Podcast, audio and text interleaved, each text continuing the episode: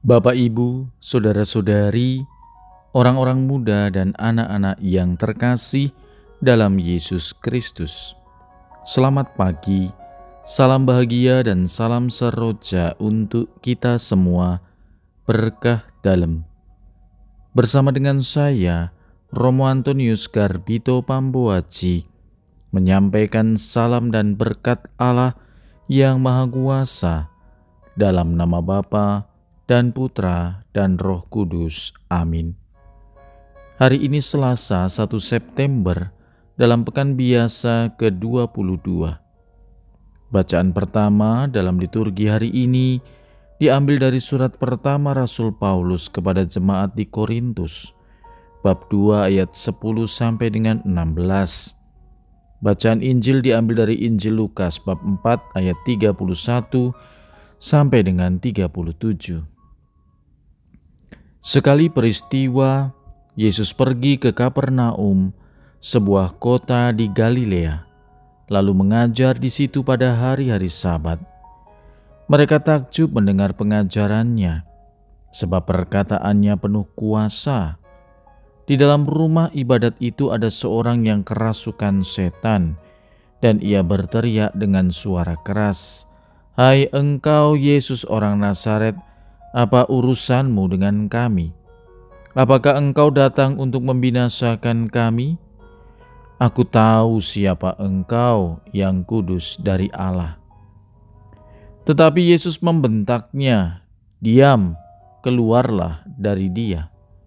Setan itu pun menghempaskan orang itu ke tengah-tengah orang banyak, lalu keluar dari dia dan sama sekali tidak menyakitinya. Semua orang takjub, lalu berkata seorang kepada yang lain, "Alangkah hebatnya perkataan ini, sebab dengan penuh wibawa dan kuasa ia memberi perintah kepada roh-roh jahat, dan mereka pun keluar."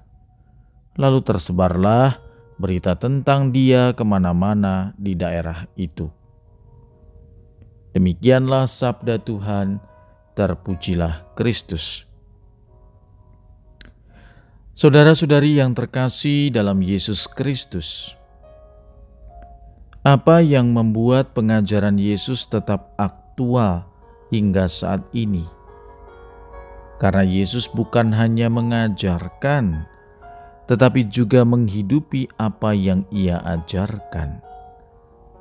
Orang banyak yang mendengar perkataan dan pengajarannya pun menjadi takjub, sebab Yesus mengajar dengan penuh kewibawaan dan kuasa. Dalam bacaan Injil hari ini dikisahkan bagaimana kehadiran Tuhan Yesus memberikan daya kekuatan yang luar biasa. Dua hal yang menarik. Roh jahat atau setan tahu siapa Yesus dan setan pun berani ikut masuk ke rumah ibadat. Sejak dulu roh jahat atau setan selalu takut akan kehadiran Yesus. Mereka tahu siapa Yesus, tetapi tidak mau menerima dan mengimaninya. Otoritas atau kewibawaan Yesus memang sungguh luar biasa. Ketika otoritas Yesus bekerja dan disertai dengan kesetiaan kita menerimanya, maka akan terjadi suatu perubahan yang memulihkan dan menyelamatkan. Tetapi sebaliknya, jika kita tidak menerima dan membuka diri, kuasa kegelapan atau iblis yang akan menguasai hidup kita. Saudara-saudari, hidup di alam modern saat ini banyak sekali godaan atau setan atau iblis yang berkeliaran dalam aneka bentuk dan wujudnya.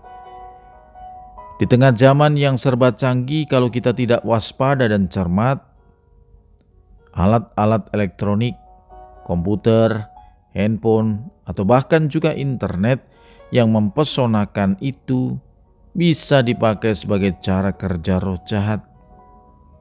Orang mudah terjerumus pada penyembahan berhala, menyebarkan berita hoax atau bohong, fitnah, cercaan, dan makian yang kasar kepada sesamanya.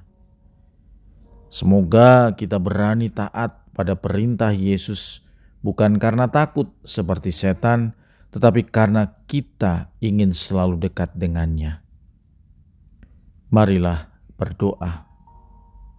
Ya Tuhan, semoga kami selalu menomorsatukan Engkau, sehingga rohmu selalu ada di dekat kami dan kehadiran kami menjadi berkat bagi sesama.